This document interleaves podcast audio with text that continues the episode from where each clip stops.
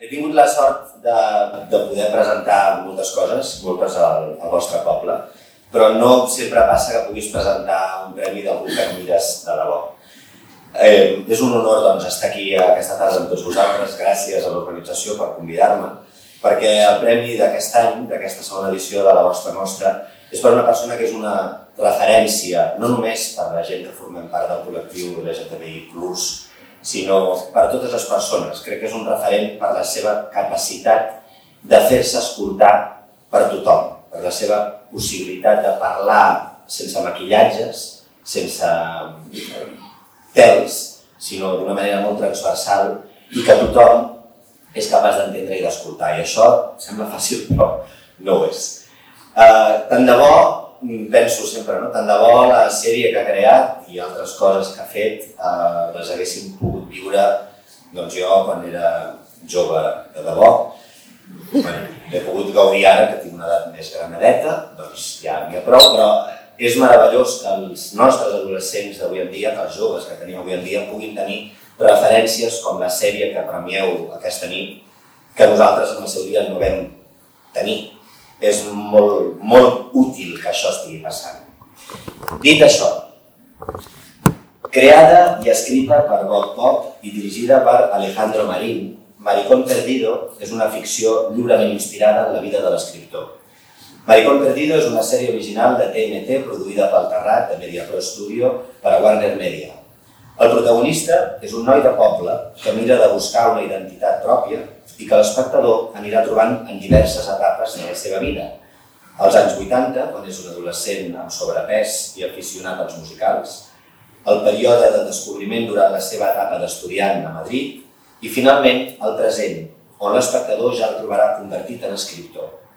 La mostra de cinema LGTBIQ+, en Dimaris Sitges, vol reconèixer la important aportació que fa la sèrie i el seu creador, Pop Pop, a la visibilitat del col·lectiu, amb el Premi Andimaris Sitges 2022.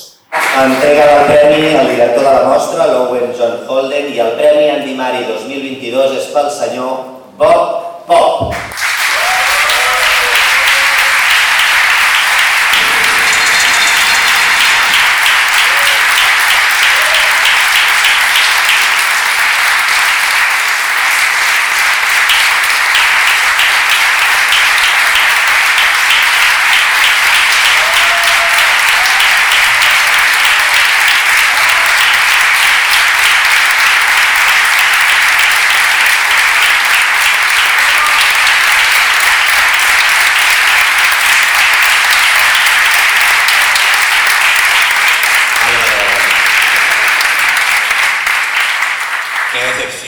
¿Sabes? Ver cómo sube el maricón las escaleras. Pues no, porque como muy bien ha dicho Owen, hay otros lugares donde mirar las cosas. Y de eso trata Maricón Perdido. De, de buscar un lugar donde recuperar la memoria sin rencor, sin venganzas, donde mm, asumir lo que has pasado, que ha sido difícil, pero entender que todo lo que ha pasado eh, ha salido bien porque había gente buena alrededor y gente que me ha dado mucho cariño y, y, me ha puesto en mi sitio, me ha enseñado muchas cosas. Me hace muchísima ilusión este premio, que me lo deis en Sitges además, que como niño de pueblo de Madrid eh, es, era un referente, ¿no? Yo, yo iba creciendo y me contaban que había un sitio donde se podía ir cogido de la mano y, y los tíos se besaban y pensaba, hostia, yo, yo quiero acabar ahí en algún momento y fíjate, vivo aquí al lado y va a enseñar esos premios, o sea, que fenomenal. Eh, Maricón Perdido es un error del sistema, es una serie que, que yo no hubiera nunca soñado con hacer y que alguien me propuso que hiciera y yo me puse a escribir y me di cuenta de que tenía una historia de contar y también me di cuenta de que mi historia no era tan importante como lo parecida que podía ser a muchas de nuestras historias que al final el material de uno solo sirve cuando es un material que ayuda a los demás, que nos ayuda a entendernos y sobre todo nos demuestra una cosa que va más allá de ser miembro del colectivo LGTBI y es que de cerca ninguno somos normales. Todos somos raros y todos acabamos saliendo de algún sitio. Pero es verdad que hay una cosa que ha cambiado desde que yo eh, viví mi adolescencia como, como niño marica, o gafotas, hasta hoy, y es que el colectivo ha cambiado mucho. Afortunadamente el colectivo se ha convertido en un lugar de refugio y de lucha. Y, y, creo que las dos cosas son muy importantes porque sin ese refugio que nos damos en los colectivos, no tenemos la energía ni la fuerza para seguir a luchar. Con lo cual, desde aquí, muchísimas gracias a todos los colectivos LGTBIQ+, que están haciendo tanto por darnos energía para la lucha. Y no es verdad que esos festivales o que esos eventos sirvan para, eh, solo para convencidos. Porque los convencidos, las convencidas, también necesitamos gasolina de vez en cuando. Entonces está muy bien que entre todos nos demos fuerza y sigamos adelante y que tengamos en cuenta que hemos avanzado muchísimo, pero que queda muchísimo todavía por avanzar y que, y que lo vamos a hacer juntas. Muchísimas gracias.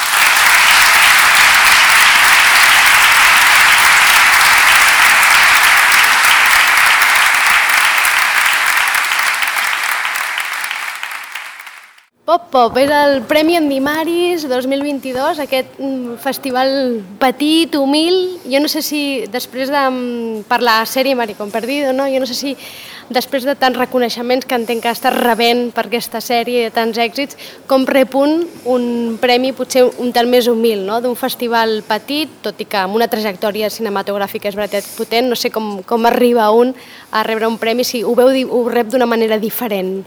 Pues lo recibo con muchísima ilusión. La verdad es que estar en un festival como este, en un cine tan increíble, eh, en una ciudad como Sitges que me, que me encanta, me, me hace muchísima ilusión. ¿no? No, no creo que haya un premio pequeño ni un festival pequeño. Yo, cualquier reconocimiento me parece una maravilla y, y un lujo que, que me estoy permitiendo. És un festival que neix aquest any amb, un, amb aquest claim no, d'Open Your Eyes.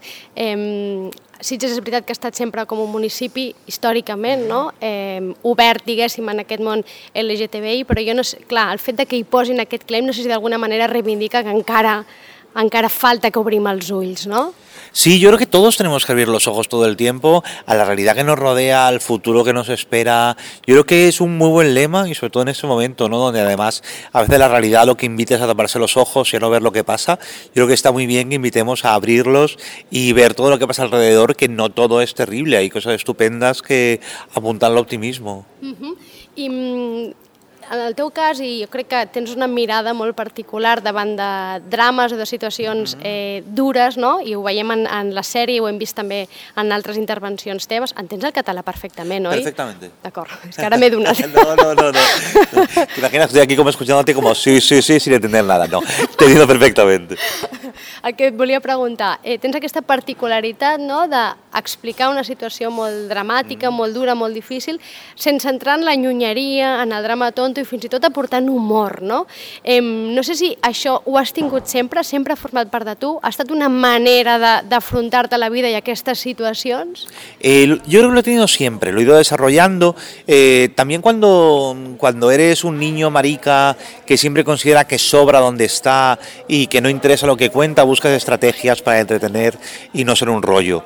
Y el humor es una de ellas. Y además luego he tenido la suerte de toparme en mi camino con gente como Andreu Buenafuente, Berto Romero, Jorge Ponce que me han dado también eh, la posibilidad de aprender herramientas de comedia, con lo cual, si ya lo tenía de serie, luego he tenido maestros estupendos con quienes he podido desarrollarlo. Uh -huh. eh, sembla, però, que en el context social en el que vivim, no, eh, no sé si a través de la comèdia i de l'humor és una bona manera de, doncs, de, de fer obrir els ulls no? a molta gent i a, a, a moviments o que estem veient, diguem que estan molt lluny d'aquesta realitat. Consideres que és, una bon, és un bon canal? Considero que es uno más.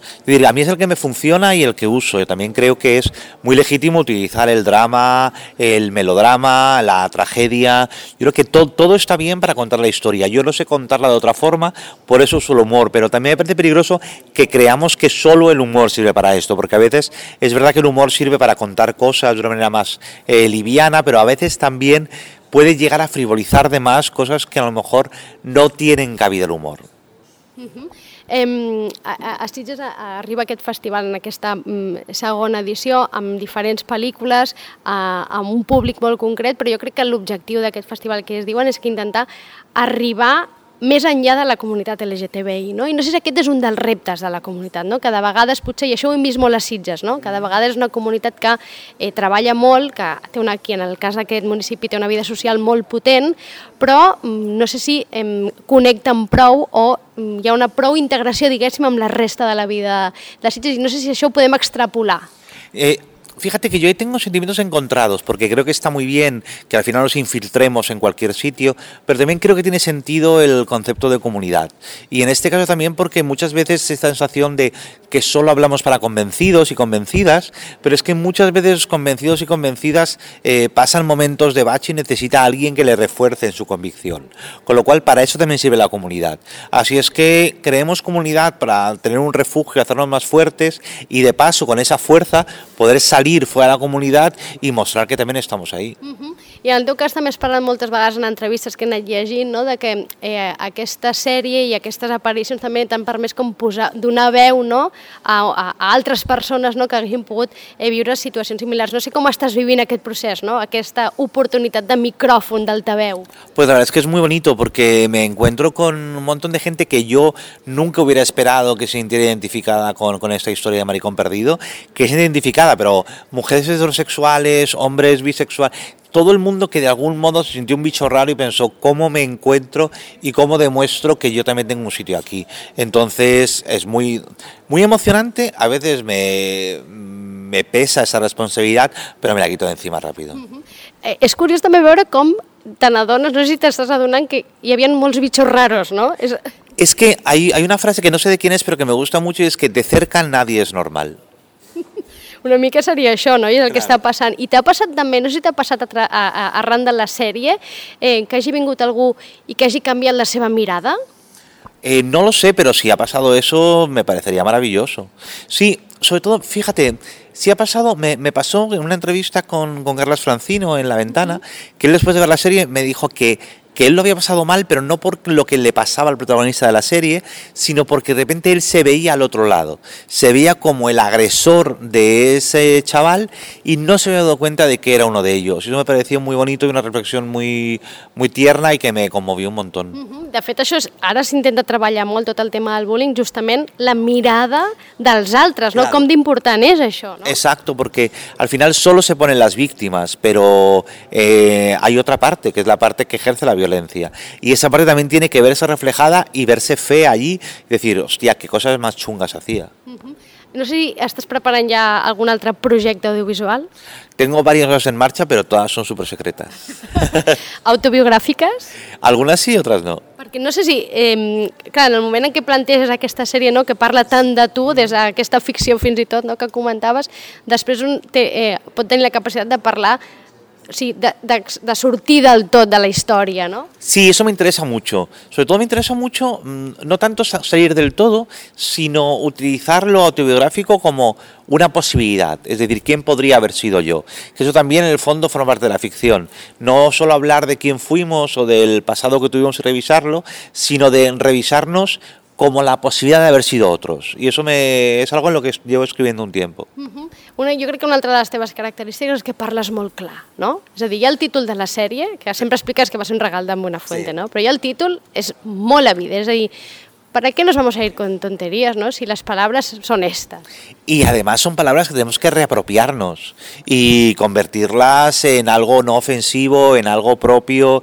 Yo creo que hablar claro, cuando nos dan voz, yo creo que a ese privilegio tenemos que responderle con eh, la habla clara, porque si no estamos aprovechando una gran oportunidad. Uh -huh.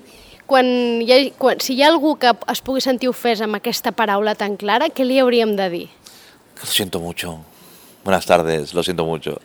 No, no, es que yo no le puedo decir nada a alguien que sienta ofendido o ofendida porque no sé de dónde viene, no sé qué trayectoria tiene y, y poco puedo decir yo pero a mí no me parece que tenga nada ofensivo. Todo lo contrario, me parece además una palabra que suena muy bien, es muy contundente y es muy clara. Que passa que com que s'ha fet servir, no? la paraula, en aquest cas la paraula maricón s'ha fet servir de manera ofensiva eh, al llarg del temps, ¿no? Claro, hasta que nos la hemos reapropiado y entonces ahora ya no sirve como insulto, sino que nos sirve como medalla. Uh -huh. I d'aquí també una mica la reivindicació, no? de dir, eh, això és nostre, això som nosaltres, no? I, eh, i més igual el que tu em diguis el que tu em vulguis ofendre. I no sé si això lliga una mica jo de no t'ofent qui vol, sinó qui pot, no? Y sobre todo eh, cambiar el, el adjetivo por un nombre propio. Yo creo que está muy bien. Maricón no es un adjetivo, es un nombre. Coneixies Sitges? Sí, he estado bastantes veces y ah, me encanta, es un lugar que me chifla. Aquí a Sitges tenim una comunitat LGTBI molt, molt potent, associada amb diferents associacions i a més a més molt vinculada a, a, molts, eh, a molts actes, a, a, a molta vida, diguéssim. Eh, sempre se'ns ha col·locat una mica Sitges com una vila referent en aquest sentit, no? una vila com oberta, no? que, que, que respectava, no sé què, malgrat tot, mm, de, continuen passant doncs, eh, actes que, que ningú voldria. No? I no sé si algú que no ve d'un municipi... Clar, els, les persones que ens hem criat aquí, per dir-ho d'alguna manera, hem vist normalitat en coses que gent que no s'ha criat aquí en altres municipis no han vist normalitat. I jo no sé si aquesta gent quan arriba aquí i veu això, com ho percep, no? No sé si ho percep com un gairebé, un, no diria una utopia, no? però com un miratge, no? com una il·lusió. Y como una posibilidad, ¿no? Como casi como un espacio de acogida y de seguridad. Al final lo que hablábamos antes de colectivo, es decir, eh, tenemos que tener no solo referentes, sino también tenemos que tener espacios donde pensar, incluso donde atrevernos a ir más allá que esto también me parece muy importante. Es decir, una vez tengamos el espacio de seguridad, podemos reflexionar sobre qué es el colectivo, en qué nos equivocamos, dónde no somos diversos, pero sobre todo que tengamos espacio de seguridad donde poder hablarlo. Cuando todo es hostilidad, no tenemos tiempo para pensar, ni para reflexionar, ni replantear el lugar del colectivo, con lo cual todos los colectivos de, de seguridad son muy, muy importantes. I per aquella gent que pugui pensar que eh, l'èxit seria no haver-ne de parlar, Pues creo que ese es el mayor fracaso, pero en todos los sentidos, de cualquier cosa. Si no hablamos de quiénes somos, eh, al final acabamos siendo muy pequeños y no nos damos cuenta de que todos somos muy raros y de que todos nos parecemos mucho más de lo que pensábamos.